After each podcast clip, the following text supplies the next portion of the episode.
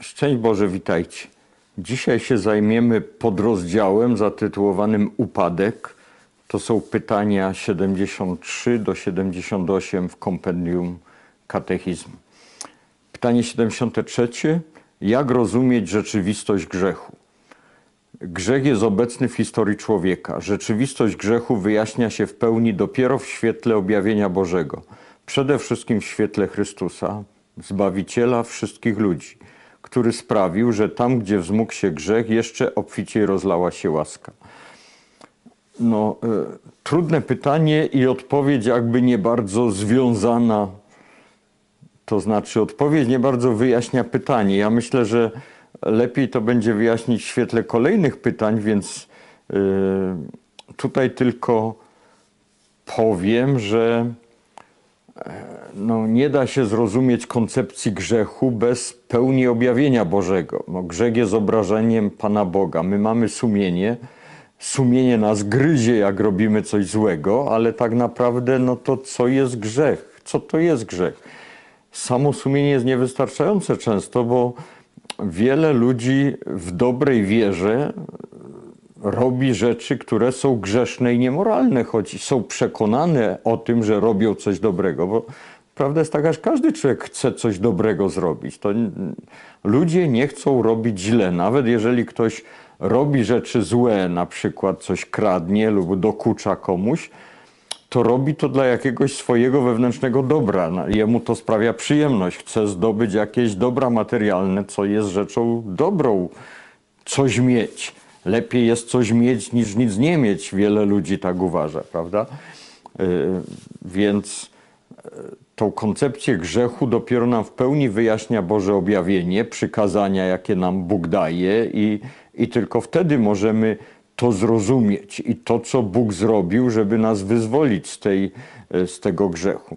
Tutaj wstawka mała, bo nagrywałem w nocy komentarz do katechizmu, a potem poszedłem do kościoła, zanim zacząłem to sklejać, i w kościele drugie czytanie dzisiaj było z listu do świętego Pawła do Rzymian, rozdział 5, wersety 12 do 15.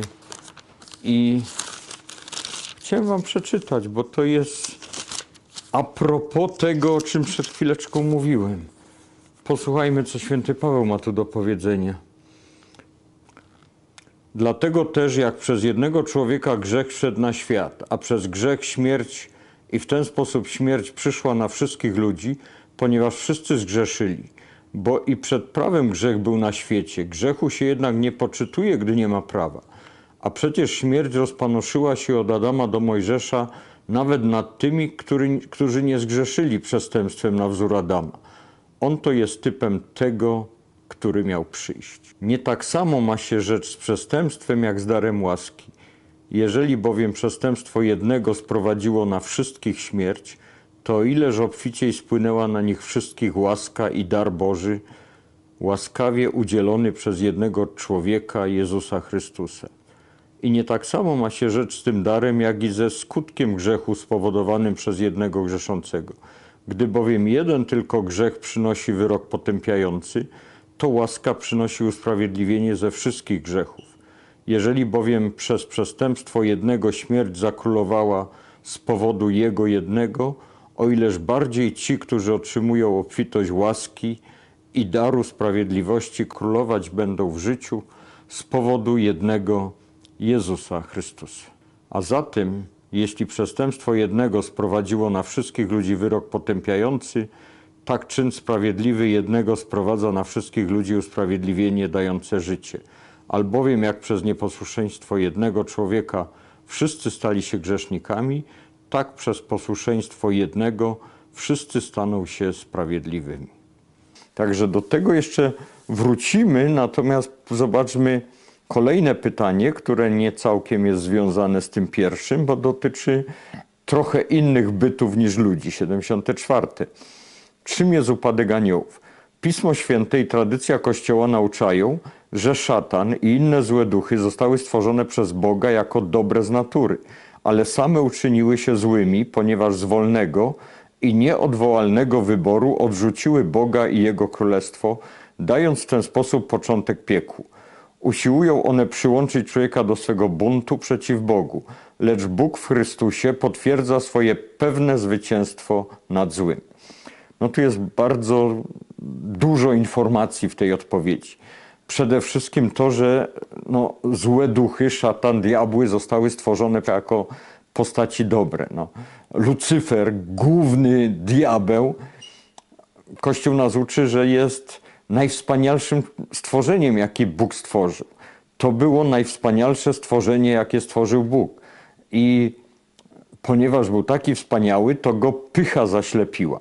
Wydawał się sobie tak cudowny, że stwierdził, że on nie będzie pokornie oddawał czci Bogu, który stanie się człowiekiem. Z punktu widzenia aniołów, my ludzie jesteśmy raczej marnymi robakami. E, Nam się wydaje, że jesteśmy bardzo mądrzy, inteligentni i, i w ogóle e, mądrzejsi od Pana Boga nawet czasem. Natomiast no, w hierarchii obiektywnej, w hierarchii stworzeń, to byty duchowe, anioły znacznie przekraczają intelektualne możliwości człowieka. I y, tradycja Kościoła nam mówi, tradycja przez małe T, to nie jest dogmat nauki Kościoła, ale tak ojcowie Kościoła nas uczą, że aniołowie mieli y, wizję tego, co się wydarzy w przyszłości, że Bóg stanie się jednym z nas i ci aniołowie będą musieli oddawać cześć Bogu. E, Lucyfer nie miał problemu z oddawaniem czci Bogu w formie boskiej, ale powiedział, że nie będzie służył Bogu, który stanie się człowiekiem. No, no nie, on, taki wspaniały, taki cudowny, nie będzie się kłaniał komuś, kto jest człowiekiem, kto stał się człowiekiem. I na tym polegał bunt Lucyfera, bunt pychy. Po prostu to był bunt pychy. Bóg upokorzył się na tyle, żeby stać się z jednym z nas, ale Lucyfer nie potrafił się tak upokorzyć i pociągnął za sobą inne diabły i to był początek zła na naszym świecie. Z wolnego i nieodwracalnego wyboru uczy nasz katechizm. Dlaczego ten wybór jest nieodwracalny? Dlaczego aniołowie się nie nawrócą? No dlatego, że oni nie żyją w czasie tak rozumianym, jak my żyjemy tu na ziemi. Czas to jest wartość fizyczna. Ten zegarek, który nam odbierza minuty, sekundy, to jest część stworzenia. W tamtej rzeczywistości nie ma takiego fizycznego czasu. Nie powiem wam, jak ten czas tam płynie, bo jakiś tam przepływ czasu istnieje, ale nie jest to wartość fizyczna, nie jest to coś, co można zmierzyć zegarkiem. I ponieważ nie mamy fizycznego czasu, to nie ma procesu uczenia się. Aniołowie wszystko wiedzą po prostu, co mają wiedzieć, niczego innego się nie dowiedzą i nic się nie zmieni, więc każda decyzja podjęta tam jest decyzją ostateczną. Dlaczego my podejmujemy decyzje? Bo się uczymy, bo poznajemy nowe rzeczy, bo nowe informacje do nas docierają. Mamy y, teraz pandemię wirusa. Inne wiadomości mieliśmy dwa miesiące temu, inne mamy teraz. Zmieniły się nasze poglądy na tą sprawę, bo poznaliśmy pewne fakty. Y, Nasze poglądy polityczne się zmieniają, nasze poglądy historyczne się zmieniają. W miarę zdobywania wiedzy y, zmieniamy nasze poglądy. Nie ma czegoś takiego w tamtym świecie, dlatego anioły, które podjęły raz decyzję, nie zmienią jej, bo się nic nie zmieniło, bo y, ich rozumowanie w momencie podejmowania decyzji jest identyczne cały czas, więc nie ma żadnych podstaw ani powodów do, do zmiany tej decyzji. Jeszcze jedna rzecz. Bóg w Chrystusie potwierdza swoje pewne zwycięstwo nad złym. O tym też warto pamiętać, bo my czasami mamy takie wyobrażenie, jakby było dwóch bogów: dobry Bóg i zły Bóg. Dobry Bóg to jest nasz Bóg kochający, a zły Bóg to jest Lucyfer, czy też ten diabeł ma moc równą Bogu i zmaga się z Bogiem, i tak naprawdę nie wiadomo, kto zwycięży. Tu nie ma porównania. To y, Bóg jest stworzycielem, złe duchy są stworzeniem. I Bóg ma pełną kontrolę nad całym stworzeniem. Do tego stopnia, że no, gdyby Bóg przestał myśleć o stworzeniu, to stworzenie by przestało istnieć. Nad Bóg nie musi walczyć ze złym. Bóg mógłby go unicestwić poprzez to, że przestałby myśleć o tym. Dlaczego Bóg tego nie zrobi? No dlatego, że wszystko, co Bóg stworzył, jest dobre. Bóg kocha całe swoje stworzenie. Bóg kocha też upadłe anioły. Bóg nie potrafi przestać kochać kogokolwiek. Dlatego Bóg nikogo nie unicestwia, bo wszyscy ludzie są ukochanym stworzeniem Boga i Bóg honoruje ich wybory, no ale za bardzo nas kocha, żeby dopuścić do tego, żeby zło mogło zwyciężyć dobro. Dlatego stał się człowiekiem, dlatego umarł za nasze grzechy, dlatego dał nam dar zbawienia, że my już mamy to zwycięstwo nad złym. My ciągle w bitwach możemy odnieść rany, natomiast nie możemy tej wojny przegrać. Nie możemy, bo Bóg jest po naszej stronie, więc to zwycięstwo w Chrystusie już zostało odniesione. Teraz tylko od nas zależy, po czyjej stronie staniemy. Czy wybierzemy zło i szatana, czy wybierzemy dobro i Boga. To tylko jest nasz wybór i naszym życiem to możemy wybrać. Natomiast jeżeli wybierzemy Boga i dobro, to nie możemy przegrać. Jeżeli wybierzemy zło i szatana, no to już przegraliśmy, ale to nie dlatego, że szatan jest taki mocny, tylko dlatego, że my głupio wybraliśmy. Na czym, pytanie 75, na czym polega pierwszy grzech człowieka? Człowiek, kuszony przez diabła, pozwolił, by zamarło w jego sercu zaufanie do Stwórcy i okazując mu nieposłuszeństwo, chciał być jak Bóg, ale poza Bogiem i nie według Boga. Ten sposób Adam i Ewa utracili natychmiast dla siebie i dla wszystkich ludzi łaskę pierwotnej świętości i sprawiedliwości co tu jest istotne, że ludzie chcieli być jak Bóg. Czym skusił szatan pierwszych ludzi? Czym skusił szatan naszych prarodziców? No nie jabłkiem, nie owocem, żeby zjedli owoc, bo to jest dobry owoc. Tylko powiedział im, będziecie jak Bóg. Sami będziecie wiedzieć, co jest dobrem, a co złem. Inaczej mówiąc, sami będziecie decydować. Jest to grzech, który my dzisiaj popełniamy na każdym kroku. My dzisiaj bez przerwy sami chcemy decydować, co jest dobrem, a co złem. Kościół, który nas nieomylnie uczy prawdy o moralności i wierze, mówi nam jedną rzecz, ale my wiemy lepiej. Jak się zapytamy katolików, co sądzą o in vitro, co sądzą o antykoncepcji, co sądzą nawet o reinkarnacji, się okazuje nagle, że większość katolików, albo no, w przypadkach reinkarnacji na szczęście nie większość, ale w takich przypadkach jak in vitro czy antykoncepcja, to mam wrażenie, że większość katolików, czy to w teorii, czy w praktyce, nie zgadza się z Kościołem. Wiedzą lepiej. My chcemy być jak Bóg. Ja wiem lepiej, co jest dobre, a co złe. Jeżeli ja chcę mieć dzieci, to dlaczego mam tych dzieci nie mieć in vitro? Co w tym jest złego? E, nie rozumieją nauki Kościoła, nie rozumieją przyczyn, ale w ogóle nawet nie starają się poznać, zrozumieć tych przyczyn, bo e, sami wiemy, co jest dobre, a co złe. My jesteśmy jak bogowie, my będziemy decydowali. Ja będę decydował, co jest dobre. Nikt mi nie będzie mówił, co ja mam robić. I, i to jest problem od samego początku ludzkości, właśnie od Adama i Ewy. I dlatego Adam i Ewa utracili dla siebie i wszystkich ludzi łaskę pierwotnej świętości. No umarli w tym sensie, że szatan im mówił, na pewno nie umrzecie, a Bóg im powiedział, umrzecie, jeżeli spożyjecie owoc tego drzewa. No żyli jeszcze, nie umarli. Nie utracili życia bios, ale utracili życie zoe.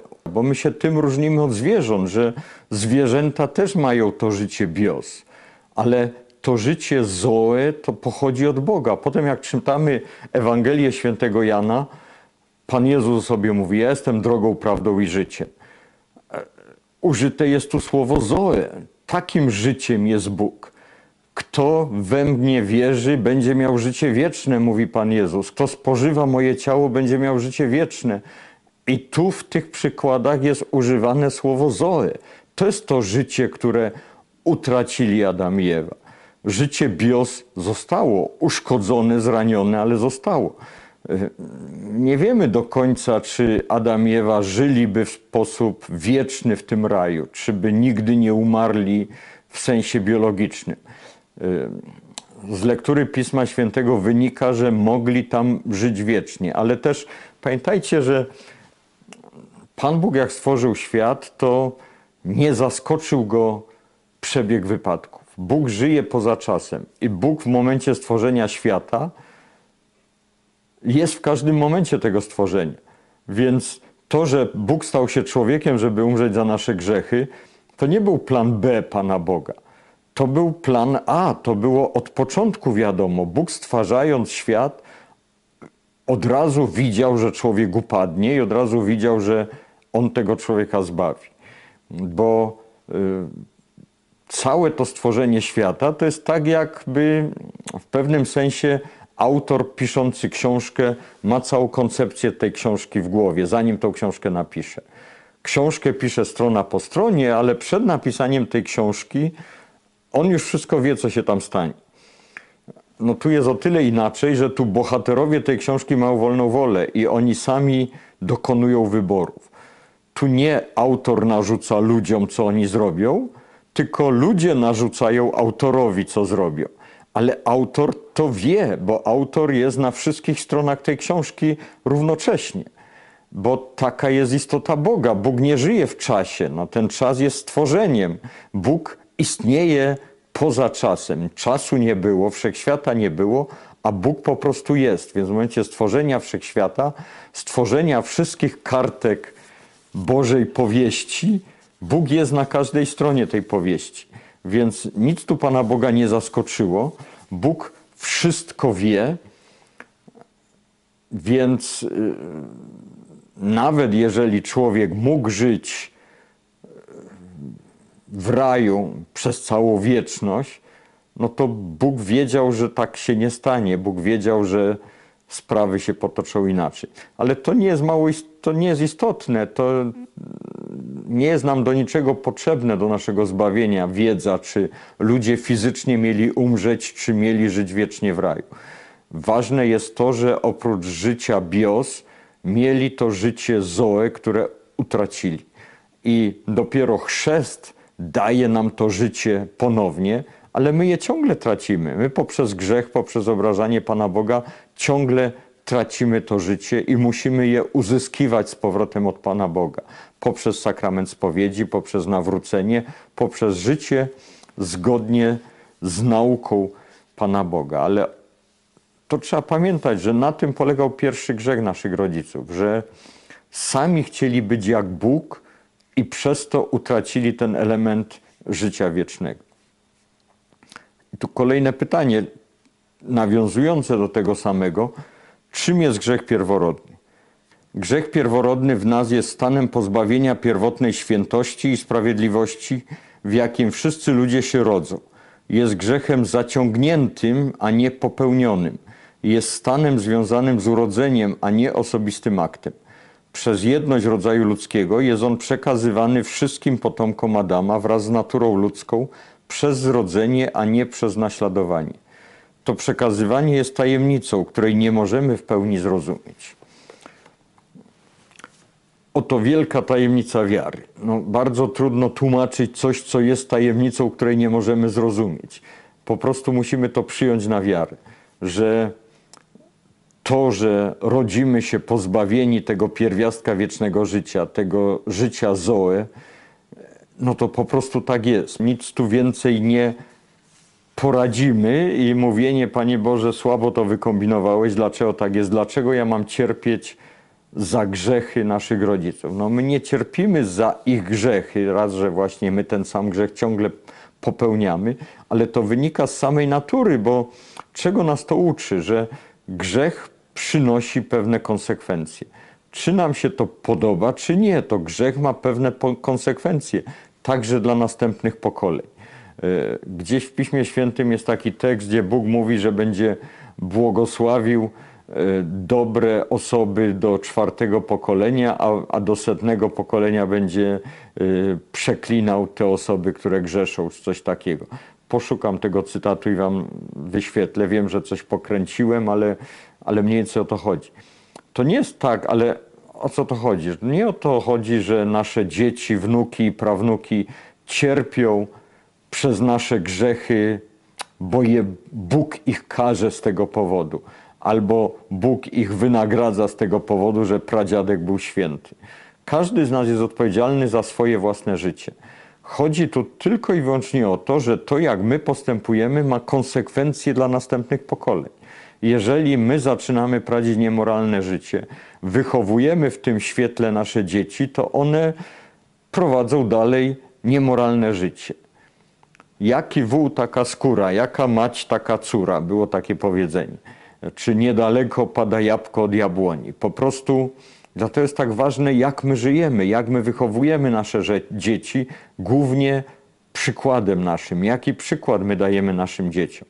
Bo jeżeli my prowadzimy życie takie, że nasze jest miłe Bogu, nie grzeszymy, żyjemy w stanie łaski uświęcającej, dzieci to widzą, to będą to naśladowały. Dzieci nie znoszą hipokryzji. No, dzieciom nie o to chodzi, żeby dzieciom coś mówić, co mają robić. Dzieciom trzeba pokazać, jak się żyje. Nie zawsze to działa, bo czasami się staramy pokazać, a dzieci jakoś odchodzą w drugą stronę. Czasami działa też odwrotnie, że rodzice może nie dają dobrego przykładu, a dzieci wyrastają na cudowne, wspaniałe, święte osoby. E, Nie ma tu stuprocentowej gwarancji, ale generalnie rzecz biorąc, najczęściej jest tak, że jeżeli rodzice są pozytywnymi osobami żyjącymi blisko Boga, to takie są też ich dzieci.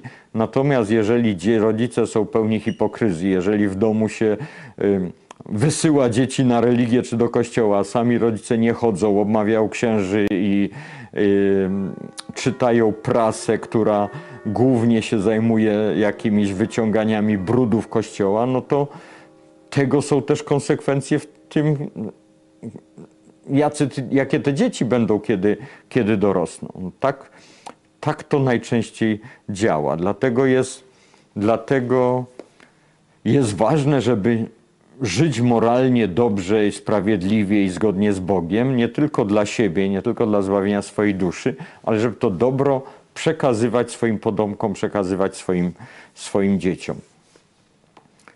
To było wszystko na etapie, na poziomie naturalnym, widocznym, ale też na poziomie duchowym, na poziomie tajemnicy. Zadziałało to też w przypadku grzechu, grzechu pierworodnego. To, że Adam i Ewa zgrzeszyli i pozbawili się tej łaski życia wiecznego, ma konsekwencje dla całej ludzkości, dla nas wszystkich, którzy pochodzimy od, od pary pierwszych rodziców. Pytanie 77. Jakie są inne konsekwencje grzechu pierworodnego? Na skutek grzechu pierworodnego natura ludzka nie jest całkowicie zepsuta, jest zraniona w swoich siłach naturalnych, poddana niewiedzy, cierpieniu i władzy śmierci oraz skłonna do grzechu. Ta skłonność do zła jest nazywana porządliwością. Niektóre wspólnoty chrześcijańskie uczą, y, kalwinizm, prezbiterianie, że człowiek jest zdeprawowany do, do cna, że my jesteśmy totalnie złymi ludźmi i niektórzy są wręcz skazani na potępienie ci, których Bóg nie wybrał. No niezależnie od tego, co by w życiu robili, to i tak będą potępieni. No nie jest to prawda i nie jest to nauka Kościoła katolickiego. Kościół katolicki mówi, że nasza natura jest zraniona. Mamy skłonność do zła. Mamy w sobie porządliwość. To dzisiaj widać szczególnie, w, no, dziś są bardzo trudne czasy, jeśli chodzi o zwalczenie tej porządliwości, na przykład w dziedzinie y, erotycznej moralności. Dziś jest taki łatwy dostęp do rzeczy niemoralnych w internecie, w telefonie. No, nie jest łatwo się oprzeć temu, zwłaszcza gdy się jest młodym człowiekiem w okresie dorastania, gdy jest w pewien sposób naturalna ciekawość takich rzeczy. I e, jest nam bardzo trudno sobie poradzić z czymś takim. To wszystko jest wynikiem zranienia naszej natury, ale ponieważ my nie jesteśmy zepsuci do cna, jesteśmy tylko zranieni, to z ran można się wylizać. Możemy przy pomocy łaski Bożej, przy pomocy sakramentów, przy pomocy spowiedzi, nawrócenia, pokuty, kontrolowania siebie, możemy wyjść z tych porządliwości, możemy ich nie ulegać, możemy dojść do tego, że to my będziemy kontrolować nasze życie, a nie porządliwości, y, instynkty będą kontrolowały nas. Stańmy się panami naszego życia, bo tylko wtedy będziemy wolni. Bo wbrew pozorom to wolność nie polega na tym, że my odrzucamy wszelkie przykazania, rób ta co chce, ta będziecie wolni. Wręcz przeciwnie, człowiek, który popada w grzech, staje się niewolnikiem grzechu, uczy święty Paweł. Człowiek wolny to jest człowiek, który żyje według Bożych przykazań bo to jest nasza natura. To jest tak, jak naturą ryby jest pływanie, to ryba jest wolna w wodzie. Jak wyciągniemy rybę z wody, to ona przestaje być wolna. Nie na tym wolność polega, żebyśmy wyskoczyli z wody, będąc rybą. Jeżeli jesteśmy tramwajem, to dopóki jesteśmy na szynach, to jesteśmy wolni. Możemy się poruszać, jak to jest zgodne z naturą tramwaju. Jak tramwaj wyskoczy z szyn, to nagle jest unieruchomiony, nagle nic nie zyskał, a wszystko stracił. I my tak samo w ludzkiej naturze jesteśmy wolni, dopóki postępujemy zgodnie z nauką Pana Boga. W momencie, jak wyskoczymy z szyn, które nam Bóg dał, wyskoczymy z przykazań, które nam Bóg dał, to popadamy w niewolę grzechu. Bo te przykazania nie są po to, żeby nam zepsuć zabawę. Te przykazania są po to, żebyśmy mogli funkcjonować szczęśliwie, w pełni szczęścia i w pełni swobodnie, żebyśmy właśnie mogli być wolni, a nie popadli w niewolę grzechu. I pytanie 78, ostatnie w tym podrozdziale, co uczynił Bóg po popełnieniu pierwszego grzechu? No, pytanie dość niefortunnie sformułowane. Co uczynił Bóg po popełnieniu pierwszego grzechu? No, drodzy autorzy katechizmu, Bóg nic nie uczynił po popełnieniu pierwszego grzechu, bo Bóg nie popełnił grzechu. Ani pierwszego, ani żadnego kolejnego. Ale myślę, że autorzy katechizmu mieli na myśli pytanie, co uczynił Bóg po popełnieniu przez człowieka pierwszego grzechu. Po pierwszym grzechu świat został zalany grzechami, lecz Bóg nie opuścił człowieka, lecz przeciwnie. Zapowiedział mu w tajemniczy sposób w protoewangelii, Księga Rodzaju 3.15, zwycięstwo nad złem oraz podniesienie go z upadku. Jest to pierwsza zapowiedź Mesjasza Odkupiciela. Zraz z tej racji upadek pierwszych ludzi nazywany jest niekiedy szczęśliwą winą skoro ją zgładził tak wielki odkupiciel. To był cytat z liturgii Wigilii Paschalnej. Szczęśliwa wina. Felix culpa. Bóg od razu w Księdze Rodzaju nam zapowiada zwycięstwo nad złem. Pan Bóg może mieć plany ABC w stosunku do nas, bo my nie słuchamy Pana Boga i na przykład Bóg powołuje młodego chłopca do kapłaństwa, a on ma w głowie inne rzeczy, nie słucha Pana Boga, to, to nie znaczy, że on już nigdy nie będzie postępował zgodnie z planem Bożym. Obojętne, co wybierzemy w życiu, to Bóg ma dla nas plan. I to z naszego punktu widzenia to będzie plan B czy plan C, choć z punktu widzenia Pana Boga to jest zawsze ten plan dla nas, na nasze życie. Ale tutaj właśnie w tym pytaniu chodzi o to, że Bóg miał ten plan zbawienia od samego początku. Ludzie zgrzeszyli, konsekwencje tego grzechu zaistniały, ale Bóg nie opuścił człowieka. Bóg nie powiedział w takim razie, skoro mnie nie chcecie, skoro mnie nie kochacie, skoro sami chcecie być jak bogowie, to, no to żyjcie sobie po swojemu, z konsekwencjami tego, co zrobicie. Bóg powiedział: Ja wam pomogę. Ja pokonam złego. Wy sami złego nie pokonacie, jesteście za słabi, ja wiem o tym, ale ja jestem mocniejszy, ja zwyciężę świat, ja zwyciężę zło.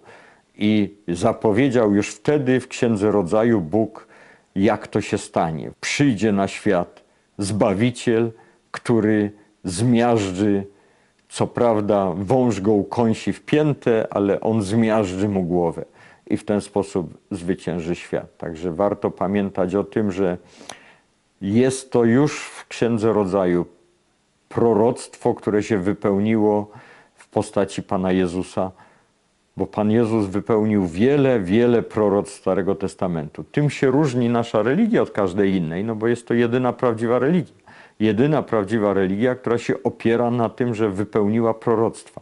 Przez wieki były zapowiadane wydarzenia, które się wypełniły potem w postaci Pana Jezusa. Coś, czego nie może powiedzieć założyciel żadnej innej religii. Żadne proroctwa nie zapowiadały Mahometa, żadne proroctwa nie zapowiadały założycieli świadków Jehowy czy Mormonów, żadne proroctwa nie zapowiadały y, Buddy. No, nie ma innej religii na świecie, która byłaby poprzedzona tak wieloma y, zapowiedziami. Inne religie często coś zapowiadają, ale nigdy się to nie spełnia, co jest najlepszym dowodem na to, że są to fałszywe religie. Natomiast chrześcijaństwo, czy też judeo-chrześcijaństwo w rozumieniu judaizmu Starego Testamentu, bo wiecie, to, że nasze Pismo Święte katolickie składa się ze Starego i z Nowego Testamentu, ma pewną przyczynę. Y, Nie da się zrozumieć Nowego Testamentu nie znając Starego i nie da się zrozumieć Starego nie znając Nowego, bo Stary jest Y, Cały Nowy Testament jest zawarty w Starym, a cały Stary jest wyjaśniony w Nowym, jak to chyba święty Hieronim powiedział, więc warto czytać y, Pismo Święte w zrozumieniu całości i wynajdywać te zapowiedzi tego, co się ma wydarzyć właśnie w Starym Testamencie, tak jak tutaj jest w Księdze Rodzaju 3.15. To tyle na temat podrozdziału upadek. Dziękuję bardzo. Na następnym spotkaniu przejdziemy do drugiego rozdziału katechizmu, gdzie, który się zaczyna od słów wierzę w Jezusa Chrystusa, Syna Bożego jednorodzonego. Ale to dopiero na następnym spotkaniu. Pozdrawiam serdecznie i do zobaczenia z Panem Bogiem.